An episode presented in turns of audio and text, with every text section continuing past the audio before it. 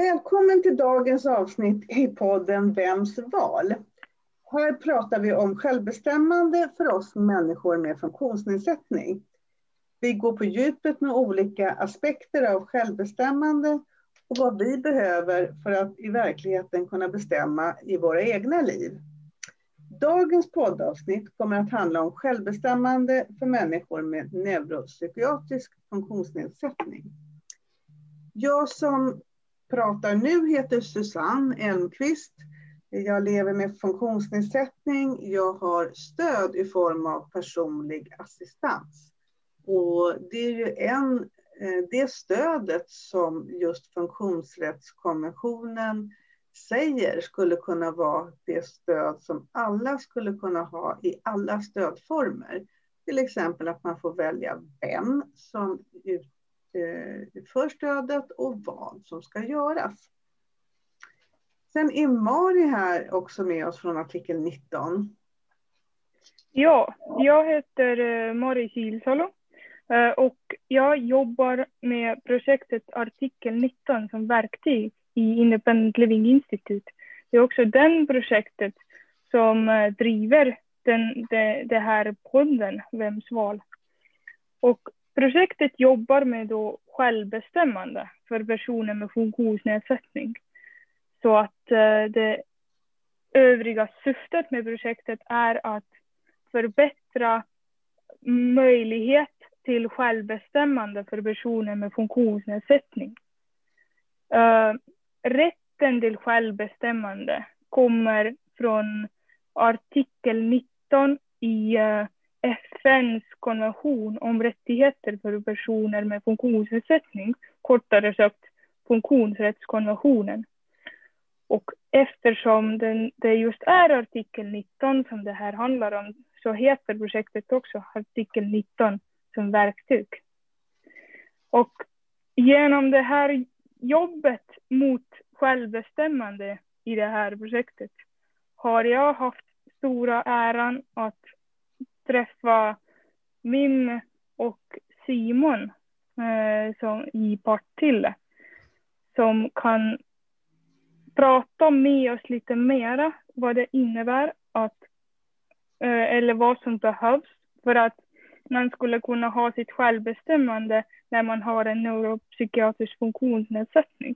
Men först och främst så tycker jag att ni kunde introducera lite grann er. Vi kan väl börja att Mim introducerar sig och sen Simon och sen ska du Mim få berätta lite grann. Vad är egentligen en neuropsykiatrisk funktionsnedsättning? Ja, men jag börjar med att introducera mig då helt enkelt. Eh, Mim Sörensson heter jag. Eh, jag har själv eh, neuropsykiatriska funktionsnedsättningar, autism och som min, mitt utredningsteam sa, jättemycket ADHD. Jag jobbar som egenföretagare och har väl till slut kommit fram till, till termen NPF-konsult kan man säga. Främst håller jag i grupper för folk med all form av psykisk ohälsa i Partille som jag har stor erfarenhet av de flesta grupper. Men det är mycket, många deltagare med, med just NPF, alltså neuropsykiatriska funktionsnedsättningar. Just nu jobbar jag mest för, för Partille och har haft stor glädje av samarbetet eh, omkring artikel 19 också. Simon, vill du berätta lite grann om dig? Ja, min namn är Simon Torell. Jag är deltagare i min, en av MIMs kurser, eller grupper rättare sagt. Eh, jag har autism eh, och ADHD Eh, och eh, ja, det är jag helt enkelt. Men väldigt kort. Tack så mycket. Jag, det ska bli spännande att få reda på lite mer och få inblick i eh, ja, er värld och eh, vikten av självbestämmande.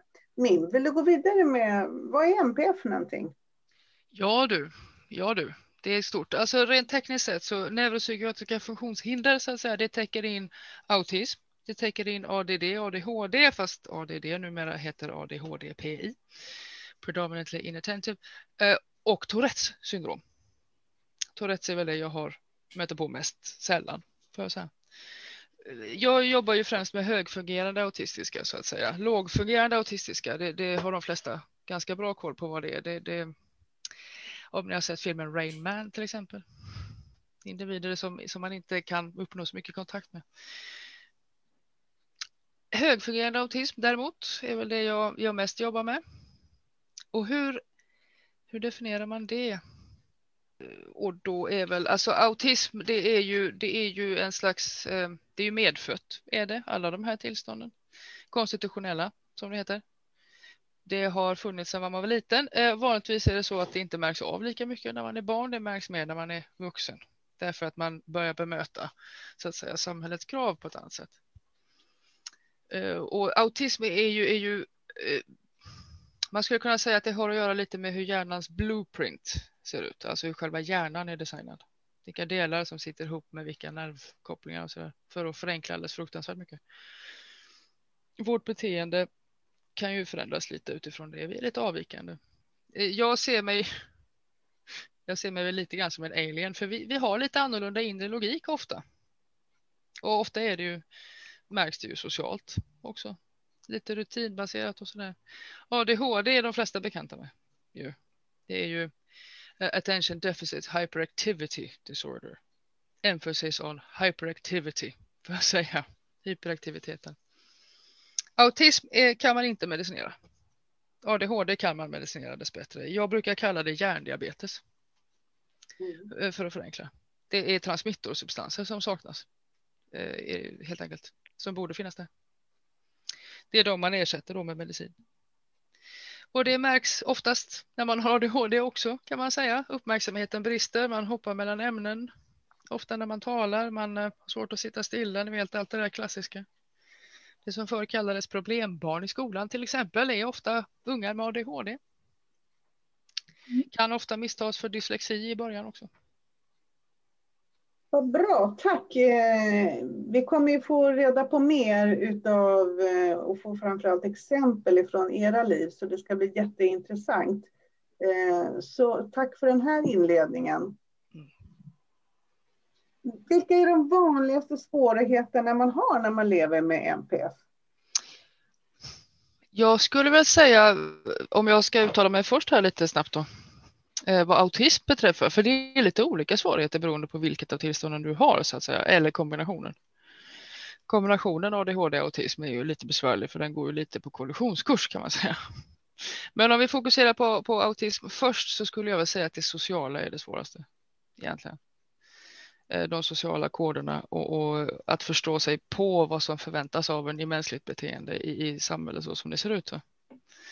Ofta är det ju så att man har lärt sig kompensationsbeteenden som högfungerande autistisk och inser inte riktigt att man inte naturligt förstår andra människor så bra, men blir oförklarligt utsliten och trött efter socialt umgänge. Mer än vad andra blir. Så det är en, det är en lurig fälla i synnerhet om man inte har diagnos och inte vet om det själv så att säga. Så det, det är ett exempel jag kan ta på det.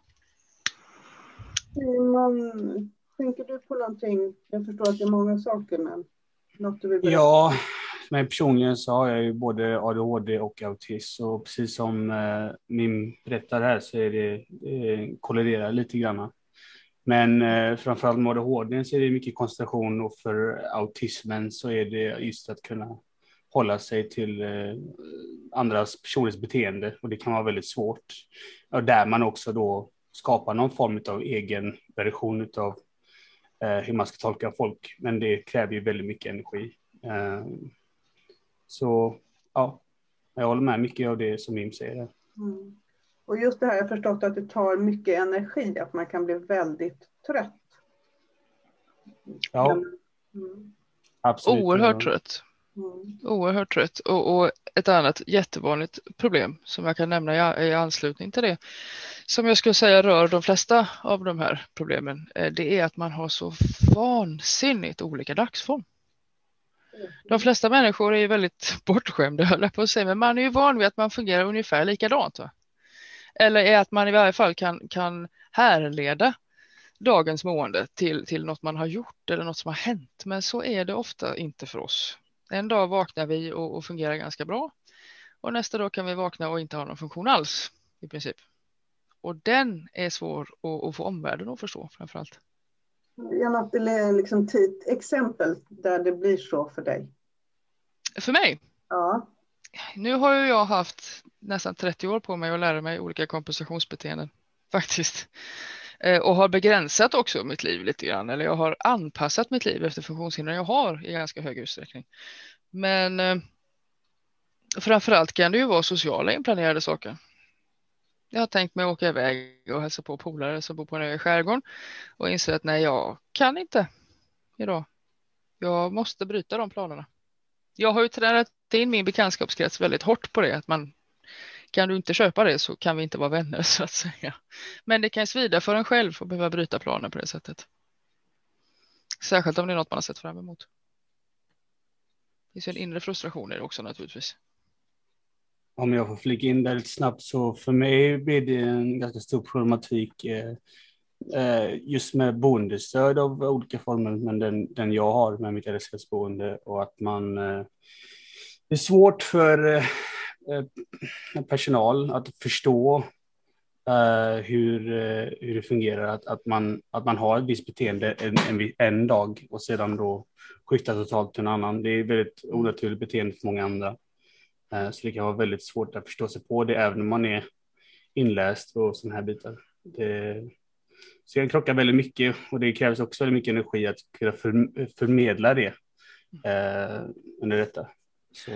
Nästan försvara sig ibland kan jag tänka mig. Absolut, det kan absolut vara så. Ja, för jag kan förstå om du, om du möts av att det här klarade ju igår, varför klarar du inte idag för? Exakt, va? och vad har man för svar på den frågan?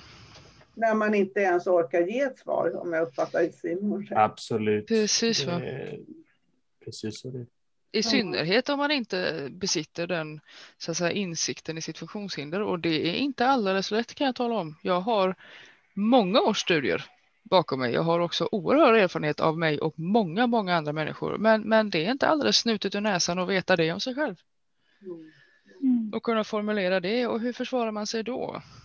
Och arbetsplatser försvarar det också på alldeles oerhört mycket. För många. Mm. Vi träffar ju väldigt många MIM eh, som just eh, lever med NPF. Så vad, vad får du höra? Jag tänkte nog bara jag dig ge ett exempel, men du får ju höra väldigt mycket svårigheter av andra. Vad, vad, är det någonting du tänker du kan berätta där? Ja, vi kan, jag, kan, jag kan återvända lite till arbetslivet faktiskt en sväng. Arbetslivet är ju tyvärr i, i sin själva design kan man säga aningen uteslutande för vår grupp som regel om man inte hittar precis rätt ställe. Så. Tillgänglig för arbetsmarknaden i allmänhet har jag träffat få som, som kan vara därför att dels har vi det här med dagsform då. Och det är inte det idag känner jag inte för det utan man saknar alltså kapacitet fullständigt och lämna sitt hem vissa dagar helt enkelt. Och sen är det ju också eh, vi är inte alldeles bäst i synnerhet inte inom autism på nu krävs det plötsligt en ny insats en ny för dig alltså insats som inte har ingått förut och då kan man bli alldeles fullständigt ställd inför det. Arbetsplatser innehåller ju inte heller bara arbetsuppgifter du ska utföra. Det innehåller ju väldigt mycket socialt också. Och det kan man bli alldeles utsliten av. Det får jag höra väldigt mycket om. En av de stora problemen eller en av de stora önskemålen kan man säga hos de flesta grupper jag har är att man önskar vid Gud att man var arbetsför. Och det är det inte så ofta man är just för att det är så svårt att hitta arbetsplatser som på riktigt är anpassade efter ens, ens funktion helt enkelt. Förståelse från anhöriga är en annan stor eh, problemområde och det är inte så konstigt. Det är inte så konstigt. Det är inte... Berätta mer, förståelse från anhöriga. Så här va, låt oss säga, vi kan ta ett exempel som jag hade att göra med häromdagen. En människa som jag naturligtvis inte kommer nämna vid namn eller eller beskaffenhet, eh, där problemet fanns hos partnern delvis, som inte saknade vilja, absolut inte, men om man inte har en hjärna som vår kan man säga, så är det, det är lika svårt att ta sig in i den autistiska lådan som det är att ta sig ut ur den, kan man säga. Det är hopplöst svårt att, att på riktigt förstå sig på ett beteende man själv aldrig någonsin har upplevt. Eller, eller en funktion man inte har upplevt. Så som du sa, förut Susanne. Men du kunde ju igår det är jättesvårt naturligtvis att, att, ta till sig hela vägen ut att det är irrelevant hur väl man klarade det igår. Så det är inte alla som flexar så mycket upp och ner, men det är ett vanligt problem att det blir så. I synnerhet innan man har lärt sig det jag kallar pacing, det vill säga hur mycket man klarar på en dag innan man blir alldeles utkörd nästa dag eller så där. Eh, och ibland har det fördröjd effekt. Och så. så sen, ha? du översätta pacing? Pacing, eh, det vill säga att man, eh, som, som jag nämnde innan då, att jag har ju lagt upp mitt liv efter mitt funktionshinder. Mm.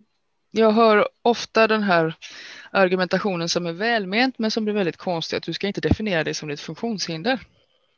Vad de menar tror jag när de säger så är att du inte ska definiera dig uteslutande som ditt funktionshinder. Men när funktionshindret i fråga de facto Eh, definierar hur din hjärna är beskaffad så är det ju svårt att skilja den från sin personlighet så att säga.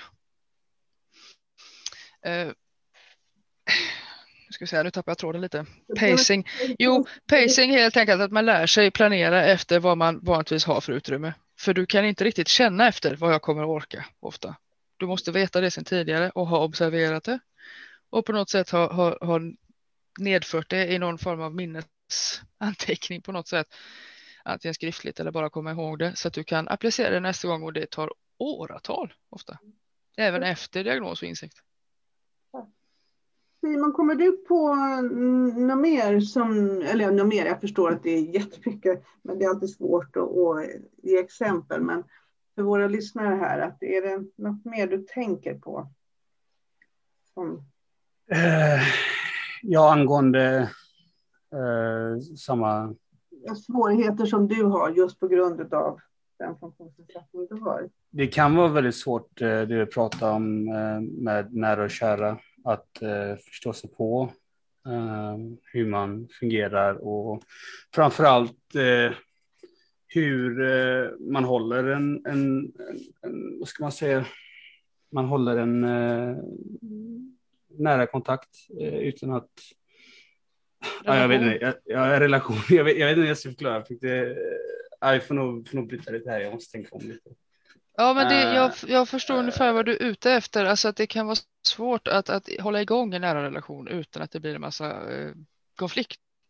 Ja, precis. Det är nog det. På grund av ens funktion. Och när man då misslyckas och förklarar när man har ett konstigt beteende eller, eller underlåter att göra någonting som man förväntas göra helt enkelt ibland är det så att man inte ens vet att man förväntas utföra det. Ja, men så där. Alla koder som används mellan människor måste vi som regel lära oss manuellt. Det, det är svårt tror jag att sätta sig in i hur det är faktiskt. Eh, med risk för att låta lite som att jag klappar mig själv på ryggen. Men, men det, är inte, det är inte så jag menar. Vad jag menar är att, att människor naturligtvis inte kan sätta sig in i sånt man inte har några referenser av omkring alls. Jag tänker då om du nämner, ni båda, eller jag vet inte om du menade även att det var anhöriga, men jag tänker är det då kompisar och jag tänker det borde också innebära att skaffa nya relationer. Att det blir ännu svårare. Om det är svårt med, med relationer som man redan har upparbetade sedan tidigare. Men då, du instämmer i att det, den biten som, som Mim har pratat om, den, den är kämpig för dig också, Simon? Den är definitivt kämpig för mig. Och där eh, flera, till och med föregående vänner och så vidare har eh, fallerat när min funktions, eh, Funktionen har varit väldigt låg och min medicinsituation inte har fungerat så bra den kan vara, eller inte alls. Så det, det, kan bli jättestor problematik för att vi har alla olika eh, eh, olika behov av social kontakt, men alla, alla behöver det.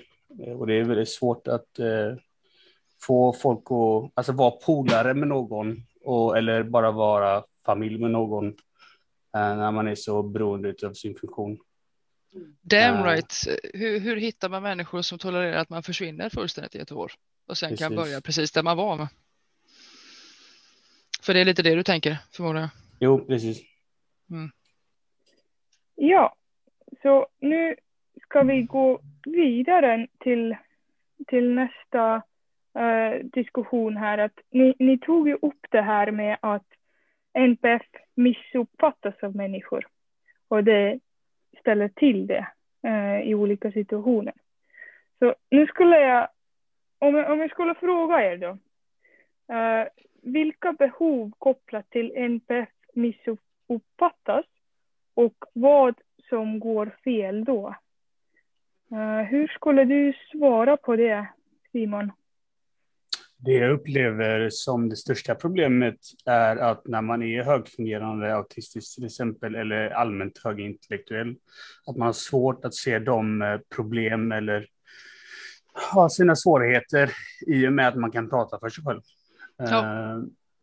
Uh, och, och det i sin tur att man kan prata för sig själv är också ett, ett problem för att det kommer in ihop med varierande dagsform. Eh, där man heller inte kan förklara att eh, jo, men idag orkar jag inte prata för mig själv. Nej, ja, eh, och det, det, kan bli ett jätteproblem. Det här, det här är så vanligt så alltså det, det, det, kan vara svårt att alls intellektuellt koppla ihop de två. Så att säga. Jättevanligt problem och, och här finns ju också en viss skamproblematik för man skäms ju ofta själv för att det är så också. Innan man har lärt sig bättre i alla fall. För det är lite det du tänker på, eller hur Simon? Jo, absolut.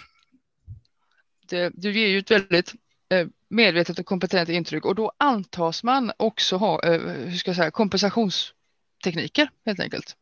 Eftersom du kan tala om det så borde du kunna sätta dig över det, men de två är egentligen inte kopplade. Alls. Så oftast vill folk väl, det är bara att det, det, det är svårt att ta till sig helt enkelt. Det är ett vanligt Precis. problem. Att, att det, här kunde eh, liksom jämföras med en fysisk funktionsnedsättning. Att, att till exempel att man kan tala om att man har, är förlamad och sitter i rullstol. Mm -hmm. För inte att man då sen kan börja gå. Att det är lite så med, med NPF också, att man kan ta, beskriva hur ens funktionsnedsättning ser ut. Innebär inte att man kan då liksom ta bort det för att man har det fortfarande kvar. Exakt så. Men det är ju lite, till och med lite lurigare än så för den stackars omvärlden. Alltså du får nästan föreställa dig en människa som genom någon slags komplicerad ställning från ditt håll ser ut som att de står upp och förklarar för dig att de är helt förlamade. Kan man säga. Mm. Det är nästan lite så till och med. Eftersom man förefaller ha kompetens och så berättar man att man inte har det och det enda man kan definiera det med är orden. Det, förstår du vad jag menar när jag gör den liknelsen? Ja, jag, jag förstår. Nej, det känns, det... det känns väldigt tydligt. Mm. Så vi, vi, vi missförstås förvisso ofta, men, men som sagt, det är inte så att man kan klandra någon för det heller precis, utan det är någon slags förståelse man behöver uppnå. Mm. Tänker jag. Uh, Mim, har du några fler exempel på hur, hur liksom behov kopplat till NPF missuppfattas och det ställer till. Jag har så många exempel va. Du kan inte ordna men jag kan ta några stycken. Jag ska göra mitt bästa för att sammanfatta de som är vanligast för det, det är ett stort område detta. Alltså. Eh, en, annan, en annan vanlig missuppfattning om vi går in på ADHD istället. Eh, det är eh, något som jag kallar JKM, Just Kill Me. Det är en slags tristess som det förefaller som att bara vi upplever, som också kan bli eh, lite farlig om man inte har koll på den. Här brukar jag behöva göra liknelser. Det kan vara svårt att, att, förklara, i ord till och med, hur det kommer, alltså vi tar disken som exempel, för det är någonting alla har lite koll på. För, för de flesta är det ju sådär lite tråkigt, man får sätta sig över en liten tröskel kanske och så är det en 15 minuter och så gör man sin disk och så är det klart. Mm. Icke så för oss vad man behöver föreställa sig det är känslan de flesta människor upplever inför nu ska du in och göra en fyra timmars rotfyllning. Party on Wayne. Den känslan får man applicera på disk. Sen får man också liksom applicera att disken faktiskt var så jobbig också. För vi har så dålig tidsuppfattning ofta den är så oerhört relativ för oss. Så är vi utsatta för en sån där hemsk uppgift, det är inte alla som har svårt med disk, men det är vanligt så jag tar det som exempel. Då, då går vi därifrån med känslan av att ha utsatts för den där fyra timmars rotfyllningen också. Och, och energinivåerna har sänkts motsvarande. Och det, det kan vara alldeles hopplöst för man, ja, när du vill så kan du och, och det är ju också faktiskt sådär svart på vitt biologiskt sant har det visat sig. För att vår förmåga, alltså vår hjärnverksamhet sänks har det visat sig vid, vid stora forsknings, jag tror det är något amerikanskt, eller amerikanska universitetet. Vår, vår hjärnverksamhet sänks när vi utsätts för repetitiva uppgifter vi uppfattar som tråkiga. Alltså helt brutalt mycket. Och höjs när vi gör någonting vi uppfattar som, som givande så att säga. Och det där blir ju väldigt ofta krockar. I synnerhet i familjesammanhang. Mm. När, när den ena är utsatt för disken och, och, för den andra så är disken en fasansfull tortyr. Då, då blir det lätt lite orättvist om man säger så utifrån sett. Om den ena hela tiden tar disken. Och där gäller det att man har uppnått förståelse lite grann. Hur det kommer sig att man hellre springer på en fyra timmars promenad än vad man gör den där disken på 15 minuter. Den är vanlig. Mm. Också. Och det kan jag tänka mig kan vara svårt för dig också på boendet Simon? Jo, precis. Vissa uppgifter är helt fasansfulla för dig och de är inte det för andra människor, i personalen till exempel. Och då kan det vara jättesvårt att sätta sig in i att de är så svåra. Jo, det, det kan vara jättesvårt att uh, få dem att förstå det. Mm -hmm. eh, Simon, kan du ge någon exempel på just sådana såna här uh, situationer där det ställer till det att personalen inte riktigt förstår? Eh, för mig är det mycket om varierande eh, dagsformer i alla fall. Eh, men när jag, eh, vissa dagar är jag kapabel till att laga mat. Eh, ganska Eh, ganska smidigt och så. Det tar väldigt mycket energi och det är en, det är en väldigt stor eh, sak för mig. Men eh, från utsidan så ser det väldigt enkelt ut så att säga. Eh, och då blir det väldigt svårt att få dem att förstå hur, hur verkligen mycket energi och hur, hur svårt det faktiskt är för mig att göra en sån eh, sysselsättning. Just matlagning kan jag ju tillägga mm. är, är klassiskt. Jag har också fruktansvärt svårt för matlagning och har begränsat den till som mest två steg för annars blir det ohanterligt. När resultatet blir bra. Ja, eh, jag vet inte varför det så ofta är praktiska saker, men det är ofta praktiska saker, i synnerhet för autistiska och matlagning är en klassiker, alltså att det är hemskt. Jag kan men, tänka mig att det eh, blir krockar Jag, jag undrar Simon, när när det då är så att personalen inte riktigt förstår hur påfrestande det är för dig att laga mat, vad som händer då? Uh, det blir ju någon form av uh, misskommunikation uh, där uh, de förväntar sig mer än vad jag är kapabel för att göra. Mm. Diskussion och konflikt liksom? Ja, och det kan definitivt uppstå en konflikt där. Jag ska fråga, finns det någon personal som har vägrat jag har för mig att det har varit så. Och, och utför det åt dig de dagarna det är omöjligt? Det har varit väldigt olika, olika eh, stadier på hur det har fungerat där jag bor just nu. Nuvarande mm. så fungerar det ganska bra, vilket jag är väldigt glad över eftersom min funktion är väldigt låg. Men mm. det har varit flera tillfällen där eh, det har varit svårt, eller om inte så har det varit svårt att uh, få någon form av relation med den här personen som, som uh, lagar mat till mig, för de tycker att de gör saker åt mig uh, när, när de kanske tycker att jag kan göra det själv. Till exempel. Precis, det blir väldigt svårt att kommunicera med dem, kanske när jag har social tid, vilket är en annan, annan stöd jag har, där då den personen jobbar i samma tillfälle. Och du har ju, eh, man bär ju ofta med sig som sagt skam nog på egen hand så det är inte så kul att få det från personal sen. Absolut. Mm. Just det. Och att även när man inte direkt, de, de inte nekar direkt eh, stöd med matlagning så, så blir du sådär alltså skuldbelagt på grund av att du behöver det stödet. Absolut. Och konstant försvar. Och konstant att din energi går åt att försvara dig, liksom varför du behöver det. Ja. Mm. Och det blir ju lite tråkigt för då kanske man inte har energi till resten av dagen sen för att göra någonting annat. Ja, och det om något är en, en inskränkning av rätten till självbestämmande. Att uh, man, det just sådär liksom blir man uh, helt enkelt begränsad i sin rätt till självbestämmande. Ens energi går åt att försvara sig. Varför man behöver eh, det stödet som man behöver. Och så efter att man har bråkat om det får man äntligen stödet men då är man ju liksom slut. Mm. Väldigt, väldigt trött. Jag har ett spontanexempel till, får jag ta det? Ja, kör. Det här är också kopplat till båda, eh, både autism och ADHD faktiskt, men tillbaka till arbetsplats eller motsvarande eller skola eller så. Ofta är det en, en ohanterlig plåga kopplat mycket till dagsform och så, att man behöver vara på en viss tid, eh, eh, på en viss plats vid en viss tid i ett visst antal timmar.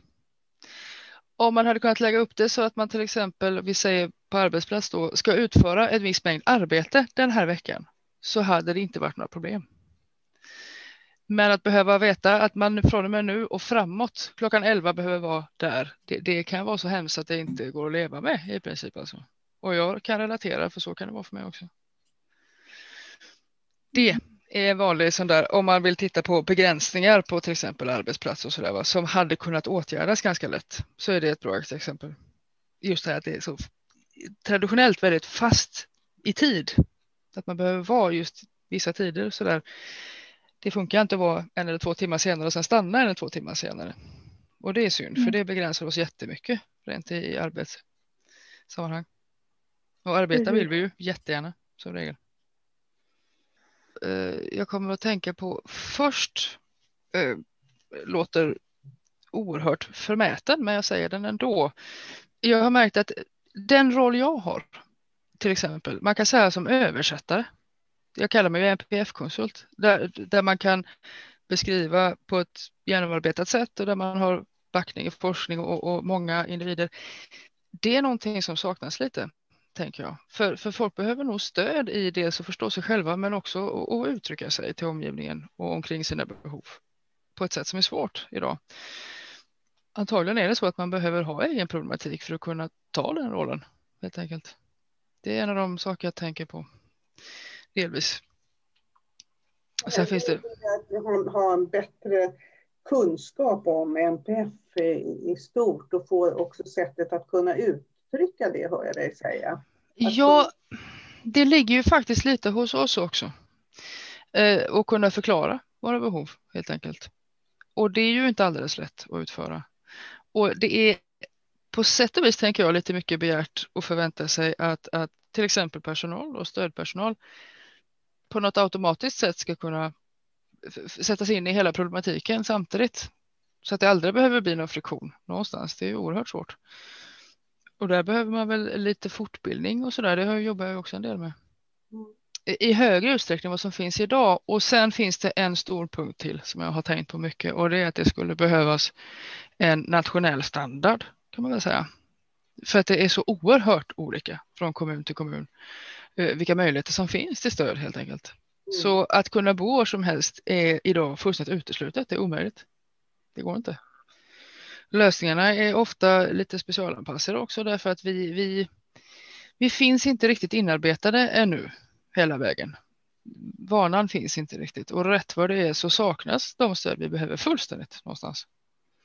Här, här kan jag tycka att det behöver finnas kanske till och med lagstadgad, alltså juridisk, jag vet det, nationell standard på, på minsta stöd så att säga, som behöver finnas.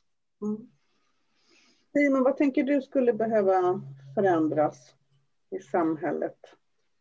I, från mitt egna perspektiv så håller jag med just om kunskap om MPF. Eh, delvis är det ett, eh, eh, något som vi tar ansvar för, men eh, framför allt att man har någon form av bas när man, till exempel i mitt fall där man jobbar i serviceboende där det är väldigt olik eh, eh, funktionsnivå på allihopa där man eh, får, eh, om inget, förstå sig på att när ett nej är ett nej till exempel. Mm. Mm. Eh, för det är inte alltid man kan förklara sig väldigt bra. Men då att man har någon form av standard där man eh, default så att säga, eh, där eh, man inte tar diskussionen just då. Utan ja. man, man tar det vidare i en annan tillfälle i så fall. Om jag får gå in där lite snabbt, för Absolut. vi har ju pratat en del Simon om detta eftersom du ingår i min grupp jag kan ju, har ju tänkt omkring ditt boende till exempel att det skulle behövas en väldigt tydlig definition av vad dina behov är som, som alla som jobbar med dig helt enkelt tar del av innan de jobbar med dig. Det verkar ha varit lite brist på det, men, men det hade nog hjälpt och jag tror att det är på G också. Men det hör inte hit. För, för det hade ju varit skönt för dig tänker jag att slippa förklara enkelt. Absolut, det, det är ju någonting som tar väldigt mycket energi eh, utav de andra sakerna som antingen var det sysselsättning eller eh, ja, bara allmän energi för att eh, man måste kunna klara av att göra det man tycker är kul och roligt och så vidare. Eh, Ja, är, är, och. Skulle inte det också, är inte det också eventuellt ett problem måste jag fråga då, Eh, därför att de övriga i boendet, vissa av dem har ju betydligt lägre funktion än du, inte sant? Ja, det vill jag påstå. Då kan det ju väldigt lätt, tänker jag, bli så att när man väl pratar med dig så, så får du väldigt mycket högre förväntningar på dig än vad som är rimligt. Jo, precis. Man måste hitta någon form av balans däremellan. Där man har förståelse att det, det är samma egentligen. Eh, och inte bara för att jag kan prata för mig själv att eh, det är annorlunda. Utan, Och dina, eh, dina behov är lika stora ändå. grund, grundbehoven är ju väldigt lika egentligen. Um, så att eh, Mhm. det har varit ett pro problem eh, bak i tiden i alla fall. Det kan jag lätt Eh, föreställa mig. Inte bara hos dig utan även samhälleligt faktiskt kan jag säga från mitt Precis. perspektiv. Då. Det ska jag hålla med om. Det har jag hört från andra också. Mhm. Vi bröt in där, ursäkta. Men kan du uttrycka liksom din dagsform på morgonen Simon? Kan du säga att idag mår jag, att jag mår inget bra, du får. Det, det är jätte från, från dag till dag. Alltså det, ibland kan det vara från timme, timme till minut till minut nästan. Eh, Är det, så beroende på vem som jobbar också? Absolut, vissa har man ju bättre kontakt med och andra har man ju också lättare att eh, eh, prata med. Men eller vissa kan man ju uppleva och ha bättre förståelse för det. Eh, och då blir det mycket lättare också att prata med den personen. Och Där- ta upp små lösningar i stunden. Mhm. Men där ser jag också ett stort problem eh, som jag skönjer hos dig. Eh, om man föreställer sig själv att man bor på en plats och har behov av stöd och så är det lite 50-50 om man kommer få det idag beroende på vem som jobbar eller om man måste ställa sig och försvara sin oförmåga. Det är inte ett jättekul tillstånd att leva i, tänker jag. Nej, Så där ser jag definitivt en, en problematik. Alltså. Jag tänker med tillgänglighet i samhället så är ju också det här när man ska röra sig ute i samhället. Eh, jag har förstått att det här med alltså, kollektivtrafik och allmänna kommunikationer kan ju vara rent hopplöst eh, för er. En fasans skräck. Skulle vi kunna få lite exempel och tankar där? Jag anser ju att att de flesta av oss borde erbjudas färdtjänst egentligen. Som väl är det alternativ som finns idag därför att det, det är mer ovanligt att i synnerhet folk med autism inte har problem med lokaltrafik. Så att säga. Det, det brukar vi ha oerhörda problem och oftast kan vi inte sätta ord på vad problemen är. Jag hade det som ung och jag kan knappt sätta ord på vad det är men det är jätte jättehemskt och begränsande. Eh, och det kan till och med vara så att, att trafiksituationen där alltså orsakar att man blir eh, hickokomor, äh, innesittare, hemmasittare. För att det är ett för stort hinder, hinderbana som en av mina brukare kallar det. Är hinderbanan för stor och tar sig någonstans till något man vill göra till exempel så blir det så att man inte tar sig och gör det man vill göra för när man väl kommer fram så är man slut. Va? Vad är, det, vad är det i hinderbanan består av? Hinderbana brukar bestå av att ta sig ur hemmet, eller hur Simon? Alla moment som är mellan dig och det du egentligen ska göra. Exakt. Det är hinderbanan. Och det är fler moment än vad de flesta tänker sig. Bara att öppna dörren och gå ut är krävande därför att hemma vet du vad som händer och utanför dörren finns hela världen. Och den måste du ta ställning till. Och du vet inte vad som kommer hända. Och allt därifrån och framåt ingår i hinderbanan. Ja, ja, jag vill eh, hålla med mycket av det säger. Jag tycker också att eh, färdtjänst borde vara standarden för att alla borde få det. Sen kan man arbeta sig utåt istället för att istället eh, behöva kämpa för att kanske få färdtjänst eller liknande. Att man, Mm. man själv tar det eh, steget att när man inte eller man vill vara mer självständig eller pusha sig själv lite eller utifrån den situationen man befinner sig i. Så. Ja, definitivt. Alltså när, när utveckling sker kan jag säga så sker det genom expansion inifrån. Aldrig genom att man blir dragen ut. Aldrig någonsin. Det, det skrämmer bara. Och expansionen blir ju omöjlig som Simon säger om du måste kämpa för att inte minska din värld hela tiden. Så damn right Simon, Det, det har du väldigt rätt i faktiskt. Väldigt viktigt eh, liksom meddelande eh, att när man ger stöd på kanske både som administrativ eller faktiskt stöd så eh, förstå det här vikten av att det här måste komma inifrån personen själv. Åtminstone ha fått tillgång till kunskapen för jag förstår ju att man inte spontant kan, kan inse det. Naturligtvis och det är ju inte så ofta vi kan ge uttryck för det så där tydligt liksom. Det vi kan göra tänker jag det är ju alltså vill man nå fram till sin omvärld med problematiken man har till exempel så finns det egentligen bara en väg jag känner till som, som fungerar och det är liknelser. Till situationer som, som folk känner igen så att säga.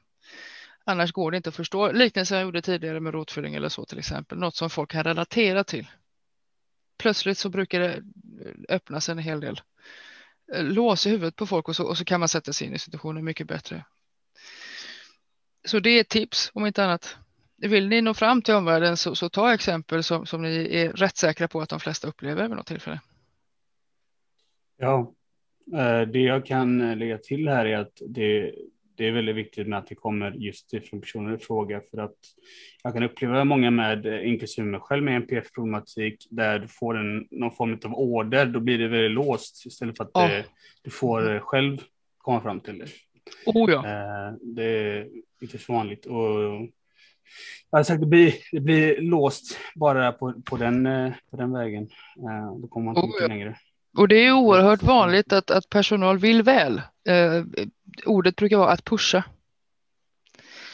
Det ska man som nästan 100 procent i regel undvika in till döden med oss alltså, för det, det, det, går inte alls. Det blir bara en låsning, det blir bara fel. Det är där nästan jag alltid. upplever mycket det här med att när ett nej är ett nej så är det verkligen ett nej. Mm -hmm. uh, det går inte att pusha i de här situationerna. Uh, nej, hade det gått att pusha så hade du inte sagt nej så att säga. Precis. Det, ja, mycket, mycket, mycket korrekt. Jag håller med dig. Fortsätt. Um, när vi har pratat om det här tidigare inför det här programmet så har ni sagt saker som kanske någon utifrån skulle tycka var ganska konstigt att få stöd till eh, datorspel och, och kanske eh, andra. Att, eh, jag vet att du Simon håller på mycket med musik så kanske musikutrustning som är ett sådant stöd som man skulle kanske vilja säga, åh vad är det där för lyx, liksom, utrustning. Men beskriv, hur skulle det kunna vara till en, en hjälp och ett stöd? För mig så är, eller det, det är väldigt viktigt att eh, det som många kanske relaterar till nöjen är ett, ett måste för oss. Vi måste kunna återhämta oss och syssla med någonting eh, i många fall för att sätta om oss och, och kunna ta hand om det som eh, det samhället ställer krav från oss. Ja. Eh, ofta, det... ofta har vi också bara egentligen ett eller två områden som vi verkligen gillar eller så. Det är inte mm. så ovanligt. Så ja, jag tror Mim kan eh, utveckla på, dem, på den fronten. Du gjorde jättebra, för jag tänker Simon, din, din musikutrustning, jag vet ju att du håller på med, med olika typer av inspelningar. Så att, eh... Väldigt grym är han. Väldigt duktig mm. kan jag tillägga. Jag har hört musiken, den är väldigt bra. Det har ju blivit någon form av eh, både escape eh, och även eh, rent alltså, som terapi eh, för mig att ta mig vidare. Det är det som har räddat mig att kunna ha en, eh, en hobby som hela tiden eh, kan återkomma till och speciellt eftersom musik är ett sätt att kunna förmedla sig på eh, och komma fram till folk om lite hur man känner och sådana här bitar. Eh, så att eh, för mig är det otroligt viktigt för musiken att, den, eh, att jag har den. Och jag är väldigt limiterad, till exempel man har inte jättemycket pengar, man har aktivitetsersättning. Eh, utan eh, jag är väldigt limiterad i de grejerna jag kan använda och även där i min, eh, min terapi kan man säga. Mm. Ett, här, ett stöd helt enkelt. Här måste jag gå in faktiskt med, med, med ett exempel, bra ett exempel på frustration. Jag har ju som sagt fått lyssna på en hel del du har gjort och jag kan bli väldigt upprörd faktiskt. Därför att här, som jag ser det då, och tar du inte detta som smickare, du vet att jag inte gör det, I'm just telling the truth. Men, men musikindustrin kan man säga, eller lyssnarna i allmänhet går alltså miste lite grann om väldigt bra musik här för att det finns vissa delar då som saknas för att kunna utföra det på vanligt sätt. Jag önskar att det fanns lite mer möjlighet att hitta stöd och hitta andra vägar ut för det, det skulle kunna ge väldigt många väldigt mycket och så är det i många sammanhang alltså. Att det saknas några bitar och stor kompetens försvinner på grund av det. Eh, det är ett vanligt problem för oss. Jag anser att man ska kunna få, eh, som i, i Simons fall här nu då, musikutrustning till exempel. Eh, ekonomiskt stöd med det. Tv-spel är viktigt på flera sätt än ett och många av oss är gamers. Jag är inte det längre, pinsamt nog, men det är ju ofta så man är social. Det är där man har sina vänner. Så att säga. Eh, och det är ofta där ens sociala liv börjar. Sen expanderar man ofta ut IRL så att säga i, i, i live. Men som regel börjar det via spel och på datorn och, och man klarar sig inte utan som sagt. Det, det borde ju tycker jag då ingå för det kan vara dyrt utrustning. Absolut. Men egentligen är det lika nödvändigt, inte lika nödvändigt, men det är lite grann nästan på skala som, som vissa behöver inlägg eller, eller till och med kanske eh, stöd för att gå. Mm kan jag känna. Okej, som du säger Simon, för dig så du hade kanske haft en form av högkostnadskort. Du hade varit någon annan och, och, och, och prata om din situation. Här har du hittat ett annat sätt. Absolut. Så, så att varför skulle det inte kunna vara? Men jag kan tänka mig att många skulle sådär en handläggare skulle nog reagera om du kom. Jag av hävd. Till. Ja, av hävd tror jag faktiskt. Jag tror inte att handläggaren i fråga som du nämner här nu, den potentiella handläggaren, tror jag inte skulle lägga fingrarna emellan om, om man till fullo kunde få fram hur stort behovet är. Men traditionellt sett nästan så ser man ju till exempel eh, tv-spel eller en hobby som musik som, som något extra, något man gör för skojs skull, lite lyx som sagt. Och då säger man nej. Och det förstår man ju så att säga. Men i allmänhet vill ju folk väl. Så det är väl lite förståelse som saknas kan jag tänka. Tack så mycket. Det, vi har väl tänkt att avrunda och um, då är det dags för Mari att köra en liten avslutning. Uh, ja, uh, uh, precis. Hinner vi med det på en gång eller behöver vi en paus innan? Jag kan köra. Hur är det för dig Simon? Nej, vi kan köra möta autister så kör mm. morgon. Så. Vi kör. Ja, precis. Jo, det här är de här, det har varit ruskigt intressanta diskussioner kring hur, eh, hur eh, självbestämmandet eh, blir begränsad på grund av att omvärlden inte riktigt förstår vad neuropsykiatrisk funktionsnedsättning är vad det innebär för människorna och vilka, vilket stöd man behöver. Um, så så det, det, det är ju någonting som samhället måste ändras om, om självbestämmande ska vara möjligt för er. Eh, och och sen, sen har man det, en, en till väldigt intressant aspekt var just det här på slutet eh, med, med hobbys att, att kunna göra musik. Att, som du säger Simon, det, det blir ju en form av terapi och en hobby samtidigt. Och det där, om, om, om man inte får det, tillgång till det, då blir det ju en inskränkning av självbestämmande för två anledningar. För det första är det, som du säger, en stödform, en, en terapiform som du behöver för att kunna, kunna hantera livet och för det andra ska personer med funktionsnedsättning ha rätt till sina hobbys på liknande sätt som alla andra. Att liksom, när alla andra har det privatekonomi som de behöver för att kunna göra musik ska du också ha det. Så det, det är en väldigt viktig poäng här. Och är det en bit kvar kan man säga? Jo, det, det finns lite att jobba med. Det var helt fantastiskt roligt att diskutera med er. Eh, och jag hoppas att det faktiskt eh, blir en förändring och det gärna ska vara ganska snart sen det händer. Jag tänkte vi, kan, vi kunde gå runt det virtuella laget här. Och, och eh, om, ni, om ni har någonting att säga till, till våra lyssnare som en sista sak som, som de ska kunna ta med sig från den här podden. Kan vi eh, ta Mim dig först? Ja, först ska, först ska jag väl passa på att be lite om ursäkt om jag går in lite grann som, som moderator för mycket. Det är yrkesrollen jag inte riktigt kan släppa. Jag ber så mycket om ursäkt om det blivit så.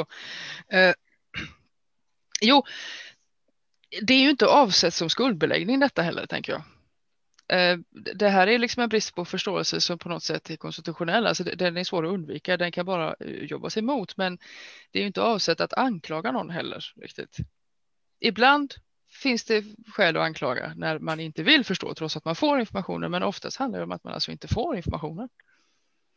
Någonstans ifrån som går att ta till sig. Här, läs den här boken på 690 sidor på tyska. Have fun.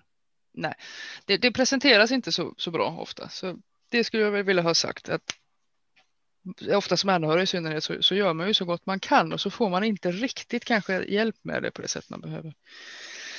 Så ta inte med er att ni har misslyckats bakåt. Försök lyckas framåt istället vill jag väl ha sagt. Och även till oss så att vi kan uttrycka oss omkring oss själva. Mm. Eh, Simon, vad skulle du säga för uh, avslutning här?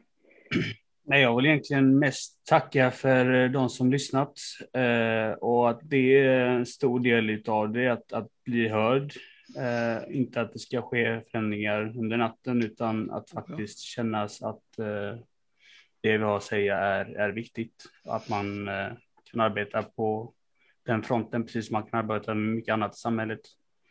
Eh, Himla bra sagt. Himla bra sagt. Så det är egentligen allt jag har Men jättebra sagt faktiskt. Tack. Klockrent. Jag vill också tacka så hemskt mycket för att ni har lyssnat, ni som har lyssnat. Tusen tack. Och så Susanne, vad säger du om detta? Nej, jag tycker det är bara jättespännande att få vara med och lära sig mer. Jag tänker hur faktiskt dåliga, jag har ett rörelsehinder, hur, hur lite och dåligt insatt, insatt jag är i andra personers problematik. Lite sådär på ytan kan man väl, men, men sen när det gäller att komma lite under ytan så är det mycket som jag inte har koll på. Då hoppas jag att vi har kunnat förmedla lite av det till de som har lyssnat idag. Och så tänker jag att ja, vi har långt kvar att kämpa för våra rättigheter. Men då har vi artikel 19 att hålla i handen och eh, vi kanske inte ska slå folk i huvudet med den, men vi kan väl åtminstone tala om att den finns. Ja, ja. Mm. Men, men jag, jag vill ju tillägga också att jag till exempel är ju inte så insatt i, i problematiken hos, säg en, en fysiskt funktionshindrad transsexuell person från en minoritet. Alltså man kan inte känna till allas problem, va? men man kan lyssna när man får höra dem. Det är väl mer så som du säger också Sim. Ja, ja men fantastiskt. Och jag är glad både för det här tillfället att lära mig så mycket mera om, om era erfarenheter, hur livet verkligheten är. Och ehm, ja, jag tackar för dagen. Tack ska du ha. Eh, och, och eh, nu kan vi avsluta den här avsnitten tror jag.